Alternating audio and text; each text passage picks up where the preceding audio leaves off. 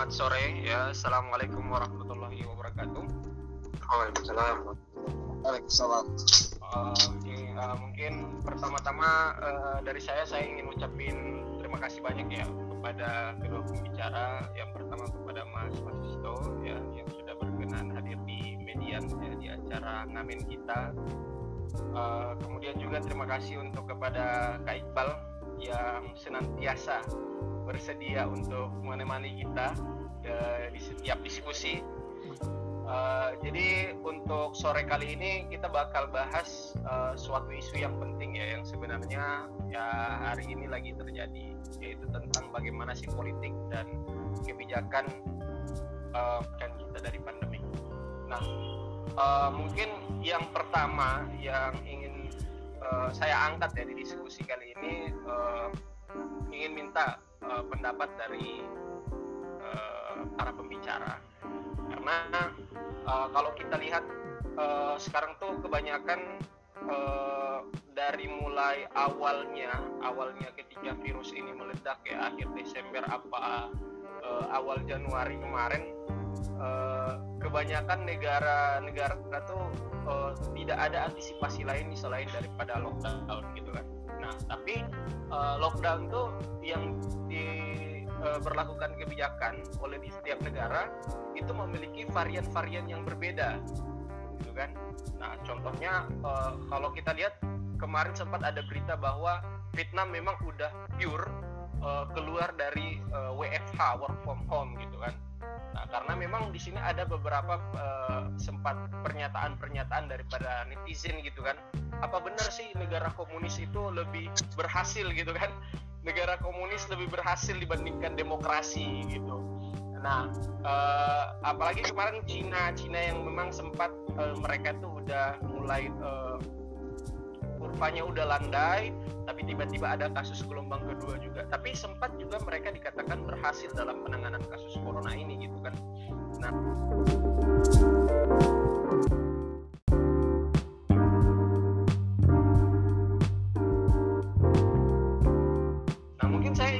tanggapan tuh tanggapan uh, secara umum dulu ya dari para pembicara mungkin saya pertama awalnya ke uh, Mas Wasis dulu ya uh, gimana tanggapannya Mas uh, tentang uh, apa yang dikatakan bahwa ini uh, kebanyakan negara-negara apa betul memang negara-negara yang komunis yang memang dikatakan bisa cenderung berhasil dibanding negara-negara yang demokrasi silakan Mas waktu Oh iya, terima kasih uh, waktu dan baca Mas Fadil. Ya, salam kenal, salam hangat semuanya. Selamat malam dari Canberra, Australia. Uh, pertama-tama yang ingin saya sharing dan saya sampaikan di sini adalah bukan masalah reginya, tapi kita bicara dulu tentang masalah politiknya lebih dahulu. Nah, ini sebagai fondasi kita ya. Nah, uh, saya akan mulai cerita dari seberapa penting posisi masyarakat dan negara ketika melihat suatu wabah dan penyakit. Ini penting bagi kita untuk melihat ini karena kedua faktornya sering kali bisa bersinergi, tapi juga bisa kemudian clash sama lain. Nah, ini penting untuk kita baca terlebih dahulu. Nah, terkait politik, sebenarnya yang saya lihat di sini ada masalah yang cukup krusial yang ada di Indonesia sebenarnya. Pertama tentang masalah uh, sikap pro science itu mengedepankan rational thinking ketika melihat suatu masalah. Yang kedua adalah uh, mitigasi bencana. Selama ini negara kita cenderung uh, terbiasa dengan bencana yang sifatnya itu natural disaster, bencana alam. Tapi kalau yang sifatnya invisible disaster seperti ini itu agak kelimpungan. Yang kedua, yang ketiga adalah tentang otoritas. Nah ini yang menarik di Indonesia adalah semua aktor entah itu negara hingga ulama pun suka juga berperan dalam penanganan virus. Nah, ini menarik karena sebenarnya kalau dalam teori penanganan suatu masalah itu negara yang berperan tunggal bukan aktor-aktor lain nah Nah, dari semua itu akan kita bahas satu persatu ya, teman-teman di sini. Nah, yang pertama tentang uh, politik sains di negara kita. Nah, saya ingat ketika kali pertama bencana itu corona itu muncul uh, di Cina uh, November 2019 negara kita tidak menunjukkan suatu sikap politik waspada saat itu saya bandingkan dengan Singapura atau Taiwan yang sudah merancang kesiapsiagaannya nah kenapa kedua negara itu sudah siap karena mereka berpengalaman dengan virus SARS tahun 2003 dan virus uh, flu burung yang itu juga memakan korban banyak. Nah, dan keduanya juga berasal dari Cina.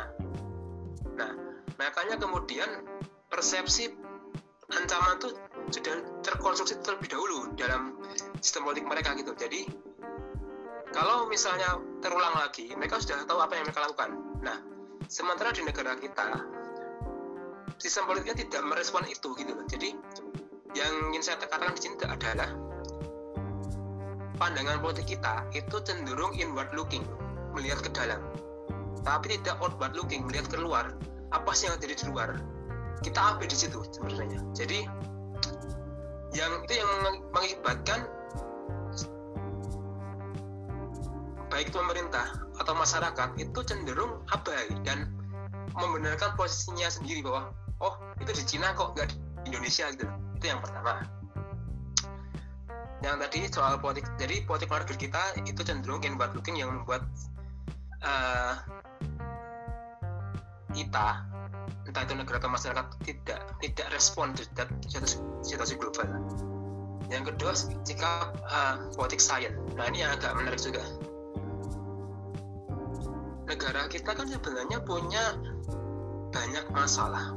Bukan masalahnya ini yang itu entah itu bencana, entah itu pangan, pun entah itu uh, perubahan iklim dan sebagainya. Cuman saya belum pernah dengar atau mungkin saya salah basis sains sebagai basis sains atau riset sebagai landasan kebijakan. Nah, di sini saya lihat ketika corona itu merebak menjalar ke Asia Tenggara awal 2020 respon pemerintah kita apa? Dari itu politiknya. Tidak scientific gitu cenderung berpikirnya tradisional minum jamu minum jamu sehat loh itu itu menambah imunitas tubuh. Oke fine satu. Yang kedua berjemur diri. Apa? Uh, untuk untuk menampung vitamin D dalam tubuh sehingga kulit kita tebal terhadap virus. Oke masalah. Yang ketiga adalah ras kita adalah ras Melayu yang itu rentak itu kita terbiasa di negara tropis yang itu tidak. Itu yang itu membuat hubungan kita eh, cukup kuat dengan dengan Cina yang itu mengalami negara mengalami musim eh mengalami empat musim. Nah dari tiga persepsi ini kan mengindikasikan bahwa ini kan tidak tidak saintifik kan argumennya sebenarnya. Maksud saya corona ini bukan masalah soal berjemur, minum jamu, atau masalah soal genetika. Tapi ini masalah bagaimana kemudian pemerintah itu merespon dengan secara saintifik gitu loh. Karena kita menghadapi wabah yang tidak tampak gitu loh sebenarnya. Dan cara-cara tradisional seperti ini mungkin kurang begitu berhasil dalam menghadapi ini gitu loh teman-teman. Jadi jadi politik kita tadi, selain tadi saya ulangi, inward looking, tidak responsif dengan dunia luar. Kedua adalah kita masih berpikir tradisionalis. Nah, dan tidak tidak bersikap saintifik dan malah cenderung bersikapnya rasion, irasional.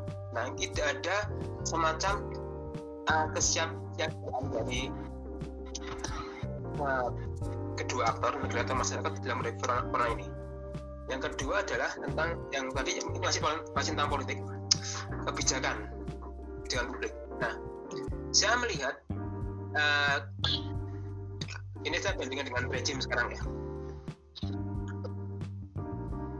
di negara-negara yang itu menganut sistem otoritarian teknokratik misalnya Singapura, Cina, ataupun uh, ya Singapura atau Taiwan, mereka cenderung responnya itu komanduan top down. Jadi tidak ada faktor lain yang berperan dalam penanganan virus selain pemerintah. Jadi tidak ada ya, semua viruskan nurut semua. Tapi satu sisi pemerintah juga menyiapkan semacam rencana-rencana aksi kan, misalnya dari uh, katakanlah kalau dari level siaga sampai level waspada, dari level waspada sampai level gawat darurat itu sudah ada rencananya gini-gini. Nah, sementara di negara kita adalah tidak jelas apa sih sebenarnya yang mau kita capai. Kemudian tiba-tiba lockdown. Kemudian tiba-tiba uh, pembatasan sekolah besar dan sebagainya. Oke pemerintah kan mencoba benchmarking ya dengan negara lain. Cuman tidak diukur dari awal gitu loh sebenarnya langsung tiba-tiba itu muncul aja nah Nah, secara keseluruhan kalau dari aspek politik kan mengindikasikan bahwa pemerintah kita Indonesia itu dalam melihat virus itu kurang siap gitu loh dalam melihat suatu masalah. Nah, itu dari aspek politik.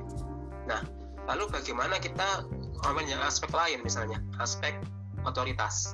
Nah, di sini saya melihat sebenarnya kebijakan bukan kebijakan juga sih antara pemerintah pusat dan daerah itu saling berkompetisi sebenarnya.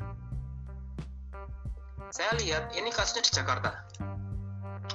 Antara Anies dan Jokowi itu seakan berkompetisi dalam penanganan virus corona pertengahan Maret lalu.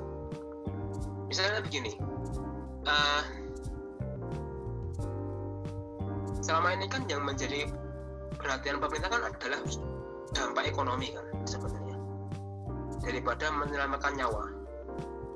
Nah sementara di daerah itu korban udah berjatuhkan banyak gitu loh. Dan menuntut pemerintah segera responsif. Tapi pemerintah pusat itu cenderung istilahnya menunda-nunda gitu loh. Karena khawatir dampak ekonomi yang lebih besar dari corona gitu. dia tidak meng, tidak mengukur nyawa tapi mengukur dampak ekonomi gitu loh. Sementara pemerintah daerah itu cenderung mengukur keselamatan kan. Jadi masyarakatnya itu sudah saling berjatuhan karena corona tapi pemerintah tidak siap gitu. Nah di sini kita melihat bahwa ada semacam kompetisi kan antara pusat dan daerah. Misal uh, kemudian misal kayak gubernur Anies, terus Ridwan Kamil, gubernur Papua itu kan akhirnya dengan terbit menentang pemerintah pusat kan dan mereka membentuk kebijakan sendiri dan itu kemudian diikuti pemerintah daerah dan akhirnya kemudian pemerintah pusat menuruti kemauan daerah dari otoritas saja kita melihat bahwa antara pusat dan daerah tidak tidak tidak sinkron dalam hal ini. Maksud saya, kalau kita saya bandingkan dengan Australia misalnya, pemerintah federal itu sudah itu megang kontrol atas negara bagian meskipun federal ya. Tapi kita melihat di sini adalah ada sinergitas antara pusat antara federal dan negara bagian. Jadi negara bagian menginput data soal kejadian di masing-masing negara bagian kemudian diikut ke federal dan kemudian responnya ke daerah ke negara bagian lagi. Nah di Indonesia tidak ada semacam itu gitu loh. Pusat sendiri daerah sendiri gitu loh. Ya seperti ini yang ada di Indonesia kan. Kelimpungan akhirnya semuanya. Nah itu dari aspek otoritas. Nah bagaimana dengan masyarakat kita? Nah ini menarik. Satu masyarakat kita cenderung over religius Artinya saya melihat semua dilihat dari aspek agama, tapi tidak bersikap rasional gitu loh. Saya lihat pertama kali ketika itu muncul corona, yang muncul di grup WhatsApp apa? Meme meme kan? Azab karena menghukum Uyghur. Terus karena karena ini azab Cina nih bla bla bla bla bla. Nah, oh itu negara komunis pantasnya dihukum oleh Allah Subhanahu Wa Taala kan? Nah tapi di sini kita lihat over religiusnya Indonesia ternyata tidak mempan gitu loh. Yuk, ternyata yang muslim juga banyak yang kena kok. Ini bukan masalah masalah kita Islam yang paling benar atau enggak ini masalah tentang bagaimana kita berpikir rasional dalam agama gitu loh. Oke agama itu memang kebutuhan rohani yang itu penting tapi juga kita juga harus berpikir rasional dong dengan apa yang terjadi sekarang ini. Nah kecenderungannya sekarang adalah ormas-ormas agama itu tidak mau mengambil peran dalam membantu pemerintah kan? Antara mereka itu mendukung pemerintah tapi juga membiarkan jamaahnya kalau mau curhat silahkan. Nah ini kan ini kan menimbulkan kebingungan kan? Ini yang benar yang mana ini maksudnya seolah-olah kalau kita beribadah itu tidak apa-apa karena corona itu kan ciptaan Allah Subhanahu wa kan. Jadi kalau kita, kita beribadah kemudian kita bisa terbebas. Pertanyaan berikutnya adalah itu argumennya dari mana? Dalilnya. Kita di sini perlu, perlu berpikir secara rasional loh. Maksud saya maksud saya adalah corona itu kan nyebar bertransmisi dari satu dari satu orang ke orang lain. Nah, kalau kita beribadah, saya bukannya anti anti ibadah atau apa ya, tapi kita melihat aspek rasionalnya gitu loh. Kalau kemudian kalau kita mengibadah tapi mengorbankan nyawa orang lain kan juga berdosa kan akhirnya. Nah kita kita kita apa di situ eh, teman-teman di sini. Itu soal masalah otoritas. Sekarang yang masalah persepsi bencana. Saya melihat di sini uh, pemerintah maupun masyarakat itu cenderung melihat suatu masalah bencana yang tidak tampak itu sebagai suatu wabah atau uh, yang itu berdikatkan dengan mitos kan sebenarnya. Kita lihat di Indonesia negara bukan negara-negara sih masyarakat itu merespon dengan cara-cara regional kan. Misalnya di Jawa itu masyarakat itu pada bikin sayur tujuh warna tujuh macam sayuran dibikin kare misalnya. Karena itu menyimbolkan adanya hubungan mikro dan makrokosmos. Di daerah lain misalnya bikin patung-patungan kayak orang-orang sawah itu loh untuk mengusir corona katanya. Nah pertanyaan saya berikutnya adalah terus ini oke okay, ini masalah tradisi ini adalah ini adalah masalah bencana. Nah sejak kapan tradisi itu bisa mematakan bencana gitu loh? Kalau di konteks Indonesia oke okay, itu bekerja. Tapi kalau di dunia global itu belum tentu berhasil loh sebenarnya. Dan kita berbicara secara global loh ini sebenarnya. Nah ini yang menyebabkan sebenarnya baik itu pemerintah maupun masyarakat itu kalang kabut akhirnya melihat suatu masalah gitu loh. Saya bukannya mau menyindir bangsa sendiri tapi kemudian saya mengatakan ini karena saya juga malu dengan berbagai macam sindiran orang Australia terhadap Indonesia gitu loh yang itu negara kurang berkembang lah atau inilah inilah. Ya maksud saya oke okay, sindiran itu memang ada benarnya tapi jangan kemudian pemerintah kita juga meresponnya jangan jangan negatif juga dong. Maksudnya kan saya masih ingat ketika dulu ketika awal-awal Maret itu kan ada risetnya Harvard yang bilang kalau Indonesia itu tidak Indonesia itu rentan dengan virus karena dekat dengan Cina. Tapi kemudian pemerintah melalui Menkes bilangnya apa? Itu penghinaan. Hmm, Indonesia negara yang cukup kuat. Nah, akhirnya sikap-sikap seperti ini yang kemudian terabaikan. Maksudnya menjadi pengabaian. Dan ujungnya sudah sekarang gitu loh, teman-teman. Ya, jadi itulah kira-kira ketiga aspek yang ingin saya sampaikan sebagai pengantar diskusi. Oke, makasih Mas untuk uh, pengantar yang pertama ya. Uh, jadi langsung saja uh, saya ingin minta tanggapan dari Kak Iqbal.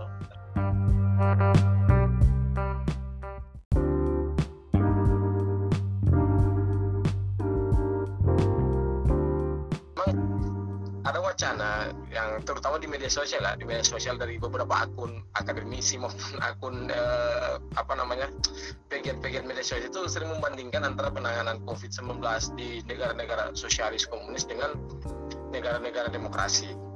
Tapi kita juga sebenarnya eh, apa ya, tidak melulu untuk mengatakan bahwa negara komunis itu sistem paling baik. Sejauh ini dalam hal penanganan COVID mungkin mungkin negara komunis ataupun sosialis jauh lebih baik. Kenapa? Karena pertama kita harus lihat aspek penegakan hukumnya, aspek kebijakannya.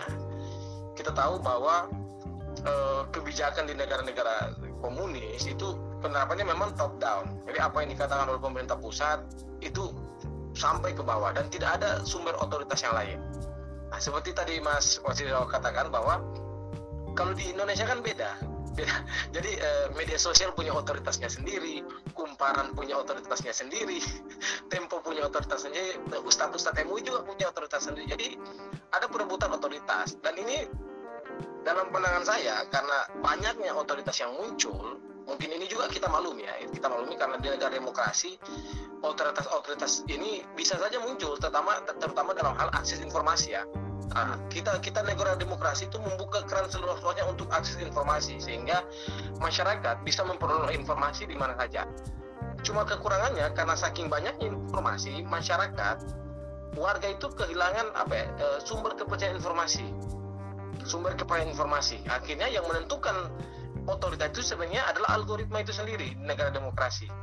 Jadi misalnya begini, uh, ada orang-orang yang berlangganan akun-akun misalnya uh, uh, berlangganan uh, misalnya akun-akun Facebook semacam Denis Regar, uh, Permadi Arya dan sebagainya, maka algoritma internet yang diakses itu adalah semua yang terkait dengan akun-akun tersebut sehingga dia menjadikan informasi-informasi yang segini sebagai sumber otoritas. Begitupun sebaliknya misalnya ada orang yang jadi uh, pertama sumber-sumber informasi itu yang di negara komunis kan biasanya uh, akses informasi itu dikuasai oleh oleh negara. Negara membatasi informasi apa saja yang boleh diakses, informasi apa saja yang tidak boleh diakses. Ini ini ini sebenarnya dari satu segi, misalnya dari segi perolehan informasi, dari segi akses informasi, ini sebenarnya bertentangan dengan hak-hak publik sebenarnya. Tetapi dalam penanganan virus corona, saya pikir pembatasan informasi ini uh, baik dalam penanganan virus. Jadi pemerintah bisa memantau, melakukan uh, memantau uh, jumlah pasien, memantau informasi yang beredar sehingga efek sosialnya itu tidak menimbulkan kepanikan di masyarakat yang terjadi di Indonesia ini ada kepanikan, kepanikan dan keputusasaan. Itu harus kita bahas. Pertama kepanikan, kepanikan karena informasi-informasi yang beredar misalnya, uh, oh ini di Manado saja, di Manado saja mas saya yang saya kasih contoh di Sulawesi Utara, dua minggu lalu penderitanya baru 21, hari ini sudah mencapai 32 dalam jangka waktu dua minggu. Nah, di balik peningkat itu ada informasi yang beredar lewat media sosial bahwa ini terjadi peningkatan karena masih ada masih ada uh, pendatang dari luar yang yang akhirnya imbasnya pada beberapa hari lalu semua akses bandara dan pelabuhan ke Sulawesi Utara itu ditutup. Ini menimbulkan kegaduhan kan di masyarakat. Nah, kegaduhan ini yang menyebabkan masyarakat itu mencari alternatif-alternatif lain karena apa? Keputusan itu seperti yang kata Mas tadi minum jamu berjemur. Jadi semua alternatif dicoba. Bahkan uh, ada alternatif di media sosial yang namanya Bu Ning Siti Nampi yang lagi lagi uh, lagi on fire sekarang. Bayangkan saya kelas Ning Siti Nampi yang dukun kampung itu bisa bisa apa ya bisa laku loh di musim corona ini hanya menawarkan jamu. Karena apa? Karena masyarakat putus asa Nah, kita harus lihat juga bahwa keputusan masyarakat itu selain yang saya katakan tadi juga karena memang kebijakan pemerintah ini cenderung adalah dalam tanda kutip kebijakan uji coba. Jadi semua kebijakan itu dicoba-coba. Oh, kita coba dengan social distancing. Social distancing habis dicoba, physical distancing, work from home, stay at home, PSBB dan semua itu sebenarnya semua itu kebijakan uji coba.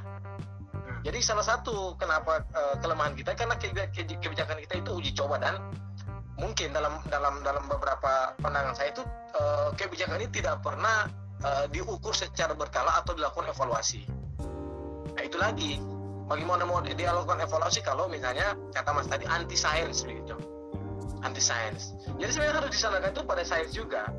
Tapi, uh, tapi uh, saya coba lihat ini dari perspektif uh, teorinya Jared Diamond ya Mas. Uh, ini kan kalau dalam teorinya Jared Diamond apa yang kita hadapi sekarang itu namanya krisis. Sudah masuk kategori krisis. Dalam bukunya yang terbaru yang Artival ini sebenarnya sudah kita masuk dalam kategori krisis. Nah, apa yang kita yang kita hadapi hari ini memang uh, dalam kerangka teori Jared Diamond itu sudah sudah bisa diprediksi.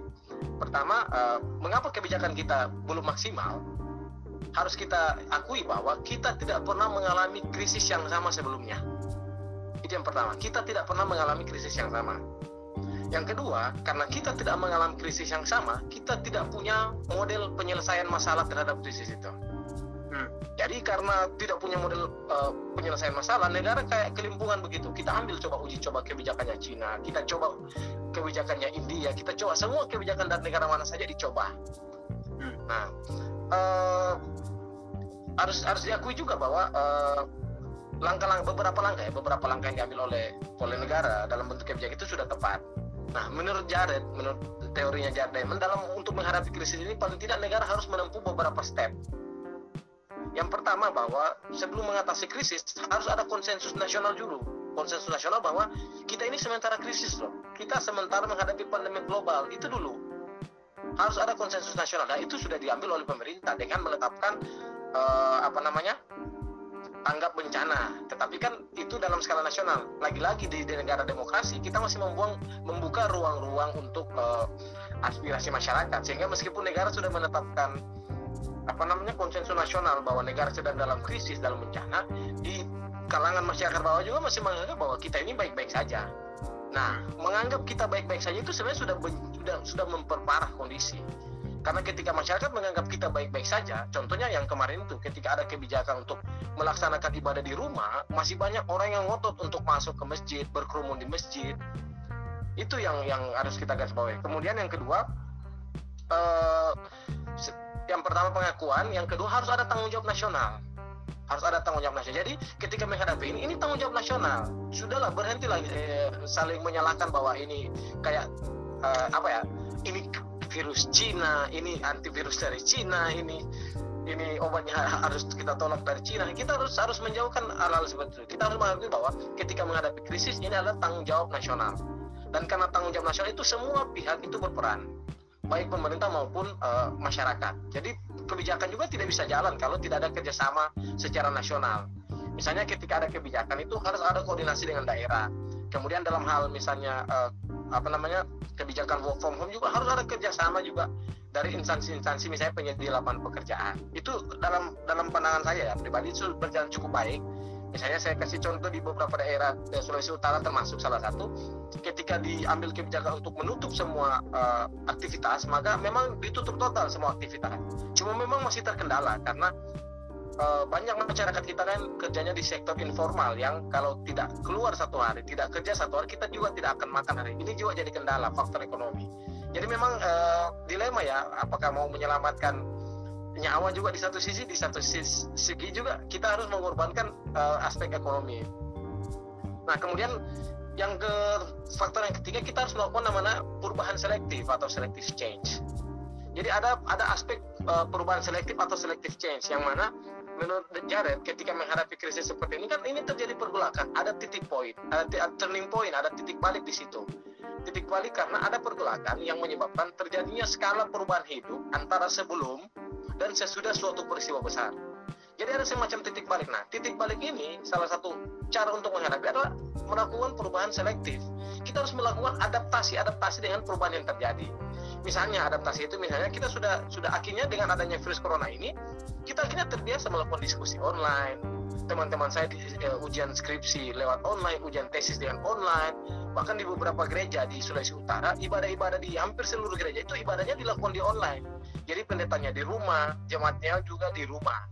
Jadi harus ada perubahan selektif cuma memang banyak orang masyarakat yang apa namanya takut dengan perubahan. Jadi ketika dikatakan oh harus semuanya dikembalikan ke online seolah-olah dunia online itu istilahnya tidak sahih lah kalau di istilah Islamnya tidak online kalau tidak bertatap muka langsung nah ini yang susah juga pemerintah mau terapkan tetapi e, masyarakat kita tidak terbiasa misalnya dilarang mudik dilarang pulang kampung itu langsung jadi gaduh orang seolah-olah merasa tidak sah hidup, tidak tidak tidak afdol hidup atau bulan Ramadan kalau tidak ketemu dengan keluarga di kampung.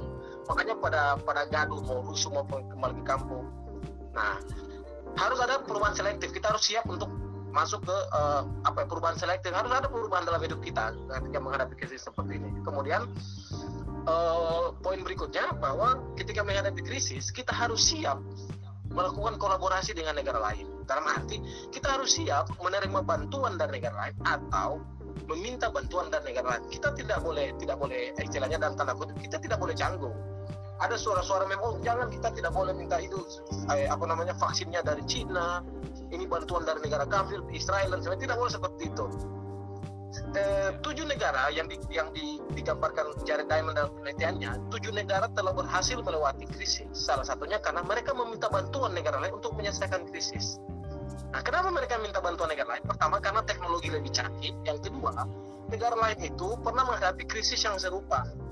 Sehingga mereka punya model dalam penyelesaian masalah itu. Model dalam penyelesaian krisis. Nah, Indonesia itu masih kekurangan model dalam penyelesaian krisis. Yang pertama kekurangan model, yang kedua kita harus lebih banyak minta bantuan negara lain. Tidak usah malu, karena di, di dunia hari ini itu membuka kesempatan untuk melakukan kolaborasi global. Apalagi kondisi hari ini. Kemudian uh, kita harus melakukan penilaian diri yang jujur. Kita harus melakukan penilaian diri yang jujur. Seperti yang kata Mas tadi bahwa oh, Indonesia ini negara terbelakang. Ya memang seperti itu warga masyarakat kita. Bayangkan saja virus yang negara paling maju sekalipun seperti Israel dan Amerika masih kelabakan menghadapi virus. Terus kita hanya hanya dengan uh, minum vitamin C, berjemur matahari, minum uh, kunyit dan sebagainya itu kita menganggap oh, ini virus tidak ada apa-apanya. Ini virus uh, ada dalam tanda kutip ada menganggap remeh hal-hal seperti ini. Jadi harus ada penilaian diri yang jujur bahwa memang kita masih masih banyak masih banyak kurangnya, masih banyak kebijakan-kebijakan kita yang kurang. Uh, kemudian uh, langkah yang lainnya memang negara harus banyak mengeksplorasi solusi-solusi lain dan solusi-solusi ini uh, baiknya harus punya uh, uh, apa ya scientific uh, base. Jadi harus berdasar kepada uh, apa namanya evidence base, harus berdasar kepada uh, hasil observasi, hasil penelitian para saintifik. Ya memang kita harus kita harus hargai bahwa spirit beragama orang di Indonesia itu harus kita hargai. Tetapi dalam hal seperti ini juga uh, kita perlu rasional, kita perlu rasional. Nah, ya. tokoh agama juga bisa berperan di sini. Tokoh agama bisa berperan dalam arti memberi himbauan, memberi memberi uh, apa ya uh, pemberitahuan kepada masyarakat bahwa uh, di masa-masa seperti ini serahkanlah kepada para ilmuwan, kepada tenaga kesehatan, harus memberi himbauan seperti itu. Tapi yang saya kecewa dari tokoh-tokoh uh, agama kita ya hari ini justru uh, tidak ada ketegasan, tidak ada ketegasan untuk uh, karena karena Indonesia ini negara yang sangat beragama, jadi saya pikir tokoh-tokoh agama itu punya peran penting ya dalam memberi himbauan. Tapi yang terjadi sekarang kan tidak seperti itu. E, misalnya himbauan untuk sholat tarawih di rumah saja kan tidak diindahkan. Harusnya himbauan itu juga kalau saya ya, kalau saya mungkin himbauan-himbauan seperti ini kalau di negara lain dibikin aturan, dilarang sholat di masjid akan kena pidana dan sebagainya dan sebagainya. Harus seperti itu. Yang dilakukan Cina kan seperti itu, dilarang sholat di masjid karena berpotensi ini berdasarkan pertimbangan medis ini ini ini harus berperan seperti itu Makanya saya katakan di Arab Saudi saja yang toh tempat lahirnya agama Islam, di tempat matinya nabinya orang Islam di Arab Saudi toh tanah sucinya ditutup loh. Kok kita hanya di hanya di kelurahan-kelurahan kecil berani buka masjid, berani berkerumun di masjid. Ini apa? Makanya saya pikir karakteristik orang Indonesia itu saya pikir apa ya? Uh, unik sekaligus aneh loh. unik tapi sekaligus aneh mungkin itu aja Bung Fadil mengingat uh, waktu ini sudah mendekati waktu berbuka jadi sharing ke saja Oke, okay, uh, eh, makasih Kak atas tanggapannya ya. ya mungkin uh, saya balik ke Mas Wasisto tadi. Uh, saya ingin mengejar sesuatu Mas. Uh, tadi sempat tentang kita uh, apa Mas bahas tentang political science gitu kan. Ya memang saat ini yang kita butuhkan itu ialah memang uh, apa ya uh, basisnya memang ilmu pengetahuan. Nah, sedangkan para politisi-politisi kita tuh kebanyakan saling silang pendapat dengan uh, apa ya pernyataan-pernyataan saintifik. Bahkan kemarin sebelum ada corona uh, ada beberapa dari apa elit elit-elit politik kita itu bilang bahwa oh kita sering makan nasi kucing gitu kan nah yang saya ingin uh, tanyakan nih, ini bicara political science yang memang minim di Indonesia. Saya ingin tanyakan apakah memang pengaruhnya besar gitu terhadap si publik yang memang juga awam terhadap sains.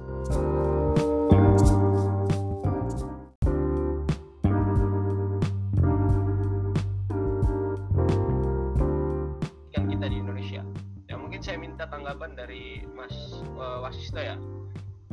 Oh ya, baik. Um, masih pertanyaan. Jadi uh, masalah sains, masalah pengetahuan itu menjadi masalah yang di Indonesia sendiri. Saya sebelum ngomongin ke masalah corona, saya akan bicara dulu tentang masalah anggaran. Nah di Indonesia aja, oh, iya. masalah riset, masalah mau bikin penelitian itu aja dananya kecil banget. 0,01 APBN. Nah, dari kecilnya anggaran itu bagaimana kita bisa membuat produk sains yang itu berguna untuk masyarakat. Itu yang pertama. Yang kedua adalah dan ya, kebijakan negara itu ya, yang itu didukung oleh data pemerintah dari sorry data dari dari uh, peneliti. Nah sementara yang kita lihat sekarang di Indonesia adalah aturan-aturan itu dibikin dari lobby. Nah itu lebih sifatnya persepsi individu kan. Nah bagaimana kemudian kita bersikap secara saintifik kalau yang saya aja ditinggalkan seperti ini gitu loh. Itu dua hal yang mendasar jadi uh, nah itu dari level pemerintah seperti itu. Bagaimana level, level masyarakat? Kita menghadapi literasi yang cukup rendah di Indonesia. Kalau kita melihat uh, angka kompetensi membaca kita membaca hasil surveinya UNESCO lalu kita berada di nomor 80 loh tingkat membaca itu paling rendah loh sebenarnya. Dibandingkan negara-negara Asia Tenggara lain. Singapura di, uh, Malaysia misalnya. Nah di, kenapa saya tekankan tingkat membacanya kurang? Ini berkaitan dengan daya serap dan daya kritis kita dalam satu masalah gitu. sering kali yang kita lihat sekarang ini adalah masyarakat kemudian tidak bersikap secara rasional tapi cenderung bersikapnya religius. Bahwa agama itu menjadi sesuatu yang sangat sakral sehingga bisa memecahkan semuanya. Oke itu bisa memecahkan masalah tapi tidak semua masalah bisa dibicarakan secara agama gitu loh. Ada ada hal terukur yang itu bisa harus bisa diterapkan. Nah jadi sikap rezim sains kita itu belum terbentuk sama sekali baik di level negara maupun masyarakat negaranya tidak mempercayai sains tapi lebih mempercayai persepsi lobby masyarakatnya itu cenderung mempercayai hal yang sifatnya tradisional. Nah, bagaimana ini bisa, bagaimana kemudian kita bisa menghadapi suatu virus, sorry, menghadapi suatu bencana yang itu tidak tahu seperti sekarang ini gitu loh. Nah, sekarang coba kita kupas satu persatu deh. Bagaimana sikap sikap saintifik di level pemerintah? Di level pemerintah yang saya lihat sekarang adalah tergopoh-gopoh dalam menghadapi suatu masalah sekarang ini mencoba maksud saya terkumpul kena gimana cenderung reaktif dengan uh, penanganan virus apa tidak melewati suatu tahapan-tahapan yang itu sudah dirancang secara terukur gitu loh. Kan kalau di bencana alam misalnya kalau di gunung merapi gunung meletus kan ada kan tahapan siap siaga sampai level merah. Di Indonesia tidak ada seperti itu dalam penanganan kasus corona. Baru terjadi sekarang ini. Artinya yang saya lihat sini adalah uh, tidak ada semacam modeling untuk menghadapi virus yang tidak tampak mas mohon maaf mas. Bisa diulangi tadi sempat uh, terdisconnect tadi jaringannya. Yang mana gimana tadi gimana? Yang tadi bencana uh, kayak apa? Uh, demokrasi ya.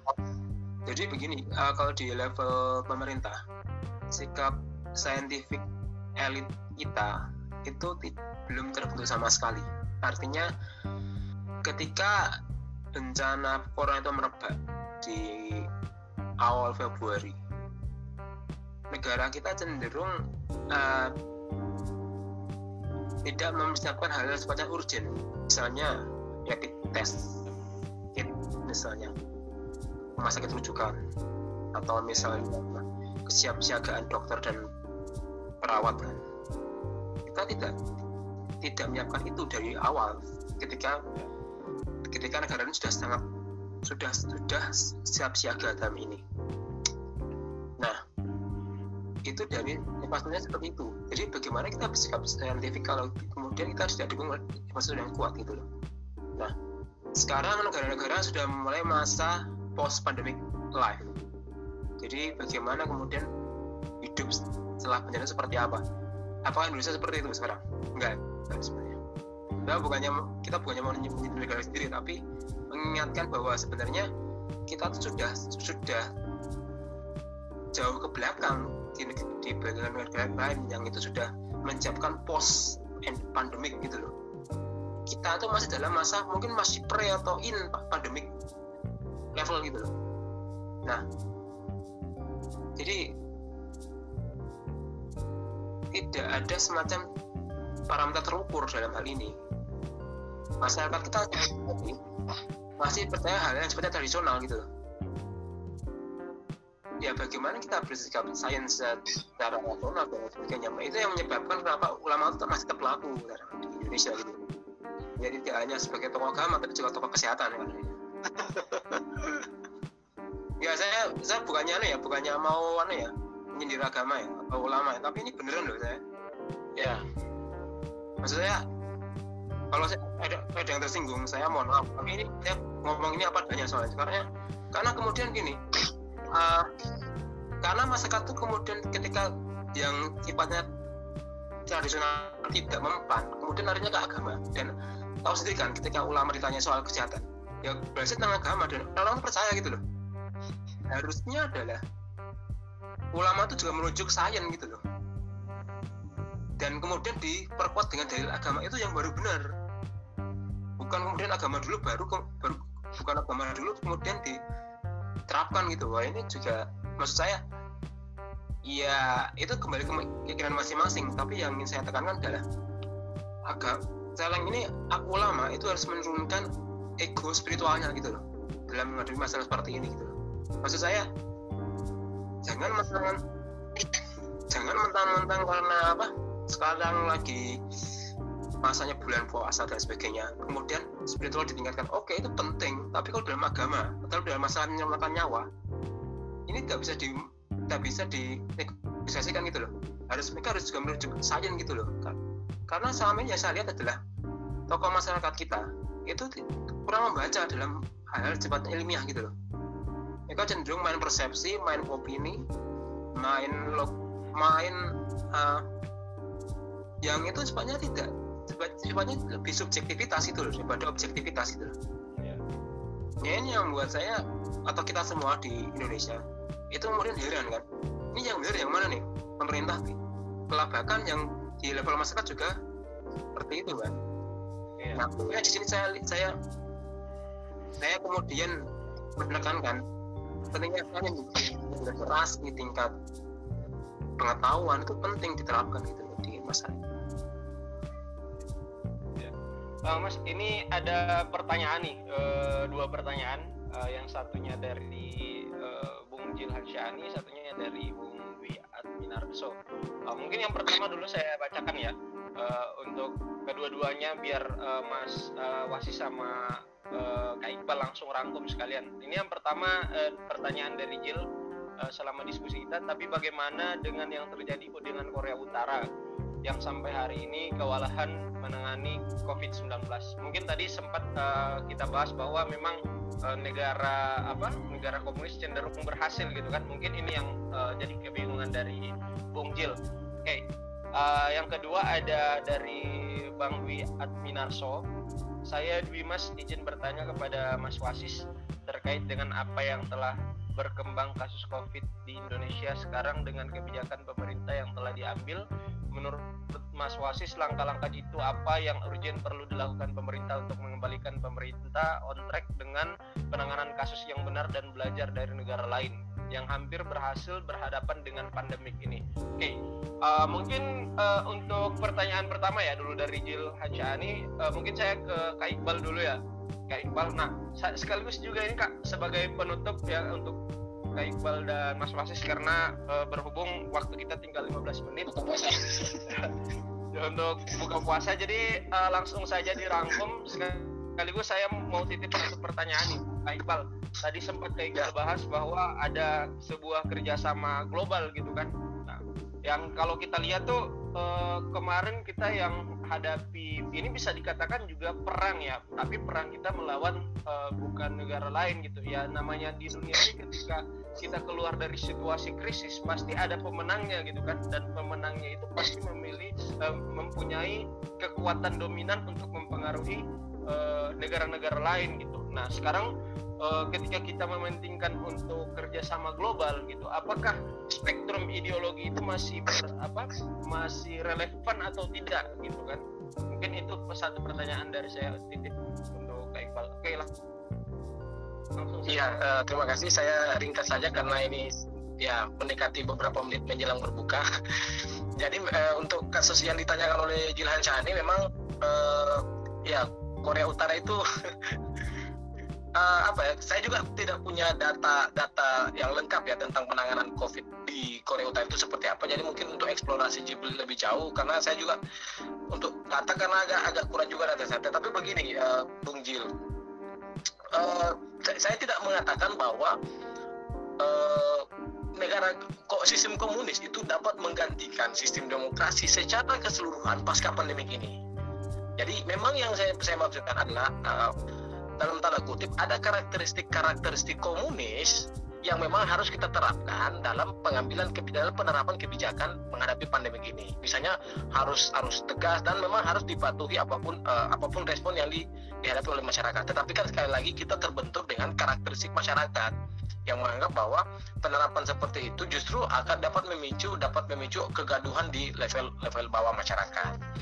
Uh, kalau untuk kasus Korea Utara sendiri, uh, saya pikir kita harus melihat dalam spektrum yang lebih luas ya. Pertama tentu saja selain karena struktur pemerintahnya di sana, kenapa gagal menghadapi pandemi? Pertama struktur pemerintahnya sana, struktur politik yang yang lain juga yang harus kita perhatikan bahwa teknologi teknologi di Korea Utara itu masih jauh tertinggal dengan di beberapa negara yang berhasil negara-negara komunis semacam Cina. Kita tahu bahwa Korea Utara itu bukan negara yang yang apa ya yang maju dari segi peralatan medis, dari segi teknologi penanganan uh, virus dan sebagainya. Jadi ya, aspek itu harus kita lihat.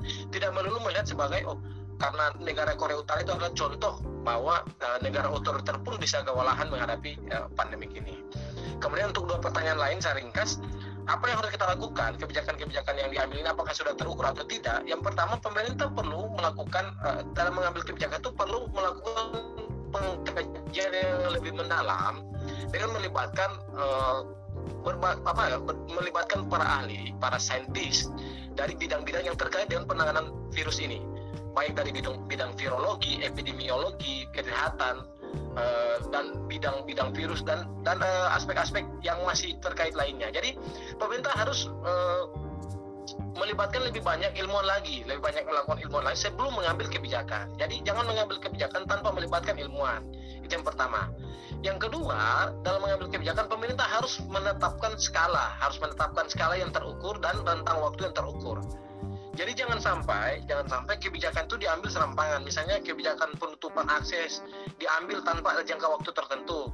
Kemudian selang waktu pengambilan kebijakan itu tidak melakukan apa namanya tidak melakukan evaluasi. Misalnya dalam dua dua minggu rentang waktu pengambilan kebijakan itu ada tidak terjadi uh, angka penurunan atau angka kenaikan orang yang terkena yang positif corona maupun orang yang meninggal maupun orang uh, pasien-pasien yang lainnya harus diukur seperti itu. Jadi kekurangan kebijakan kita itu karena memang kebijakan yang kita jalankan itu tidak terukur, tidak ada skala pengukuran yang tepat sehingga kita tidak bisa memantau perkembangan virus ini. Jadi dua-dua poin itu yang pertama skala pengukuran, kedua pemerintah harus melibatkan lebih banyak ilmuwan, harus lebih banyak ilmuwan dan uh, dalam penanganan. Yang ketiga juga pemerintah harus terbuka soal informasi. Pemerintah harus terbuka soal soal informasi sehingga masyarakat tahu perkembangannya seperti apa, berapa yang meninggal, uh, berapa yang yang sudah sembuh. Itu harus diperhatikan. Jadi informasi itu harus terbuka. Yang keempat, pemerintah harus menjadi uh, harus harus apa namanya harus menyediakan informasi yang valid. Kalau bisa pemerintah jadi salah satunya sumber informasi, sumber informasi yang yang uh, sah tentang yang valid tentang pandemi ini. Mungkin itu poin-poin uh, uh, penting yang yang bisa saya sampaikan. Uh, terima kasih kepada Fadil uh, buat yang teman-teman lain selamat menunggu waktu berbuka puasa. Buat Mas Wasisto selamat uh, menunggu waktu sahur aja waktu Australia Mas. Terima kasih. ya, terima kasih Mas Iqbal uh, saya akan merespon pertanyaan dari Mas Dwi ini. Uh,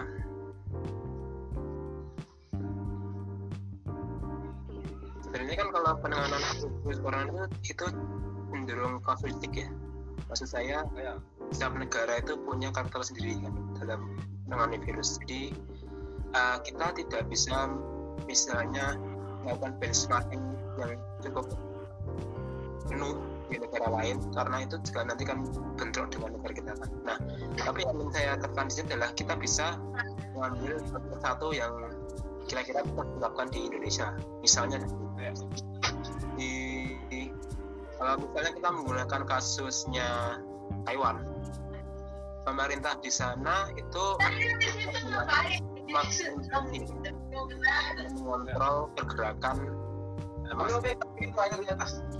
Itu menarik untuk dilakukan di Indonesia. Karena apa? Itu bisa mengontrol pergerakan eh, orang-orang seperti apa gitu loh. Seberapa intens pengajian seberapa intens mereka bergaul dan itu terkontrol di satu data kan nah menurut saya itu cukup relevan dengan kondisi Indonesia yang sekarang ini banyak mengalami apa ya istilahnya dulunya besar tapi tidak terkontrol. Nah itu itu satu nah kalau kita menggunakan pendekatan pendekatan Singapura yang itu menerapkan eh, istilahnya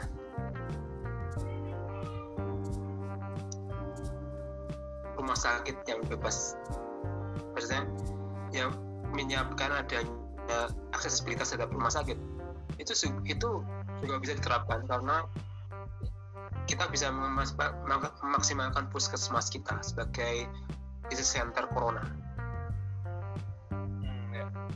dan kalau kita menggunakan pendekatan Australia dalam menangani virus yang melakukan social distancing cukup ketat ada denda sampai 8.000 dolar kalau misal- misalnya masih buka atau misalnya membubarkan uh, kumpul-kumpul sosial yang itu lebih dari dua orang itu juga bisa diterapkan di Indonesia gitu karena bagaimanapun ke semua negara itu taruhannya adalah nyawa gitu loh Ya. nah di Indonesia sendiri saya pikir persepsi itu terhadap keselamatan jiwa itu penting daripada masalah ekonomi gitu loh. karena bagaimanapun juga kalau masalah ekonomi dikedepankan tapi kalau manusianya hilang gimana. Nah, menurut saya penting bagi Indonesia, pemerintah itu sekarang jangan terlalu fokus terhadap masalah dampak ekonomi, tapi adalah kes- keselamatan jiwa itu yang paling penting sekarang gitu. Karena pemerintah kan bisa hadir karena masyarakatnya. Kalau masyarakatnya hilang gimana kemudian legitimasinya? Itu aja sih dari saya. Eh, terima kasih ya eh, Kak Iqbal dan juga Mas Wasisto Eh, karena berhubung waktu kita dibatasi oleh waktu eh, bagi teman-teman yang eh, sempat pertanyaannya belum bisa terjawab ya mungkin kita bisa sharing-sharing di lain waktu ya mungkin eh, terima kasih atas eh, apa ya eh, waktu yang diberikan dari Kak Iqbal sama Mas Wasisto yang sudah bersedia Ya, sama-sama. datang di Sama-sama. dengan acara ngamen kita. Ya, semoga eh, sehat selalu ya untuk kedua pembicara kita. Amin. Selamat Terima kasih.